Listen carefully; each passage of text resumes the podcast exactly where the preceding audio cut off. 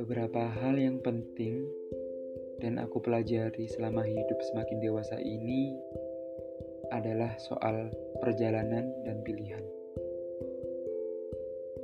Banyak hal yang membuat kita berubah secara signifikan terhadap kepercayaan, pilihan, ataupun perasaan.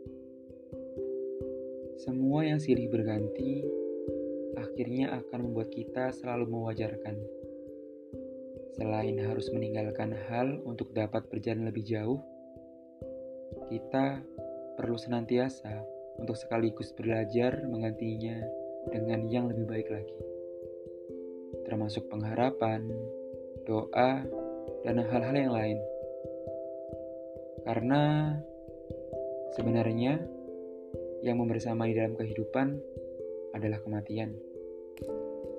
Meski berulang kali singgah di bawah atap bangunan karena tampias hujan ataupun kepanasan, Meski berulang kali jatuh dan bangkit lagi untuk mendewasakan, kita sama-sama perlu sadar diri berulang kali. Apakah sudah memastikan apa muara akhir dari kehidupan ini?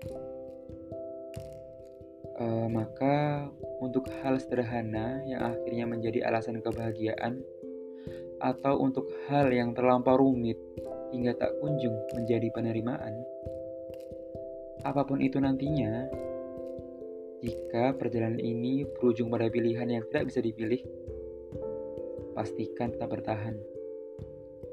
Karena semakin dewasa kita, harusnya kita semakin paham bahwa yang paling sayang dirimu, terlebih dari kamu sendiri adalah Tuhan.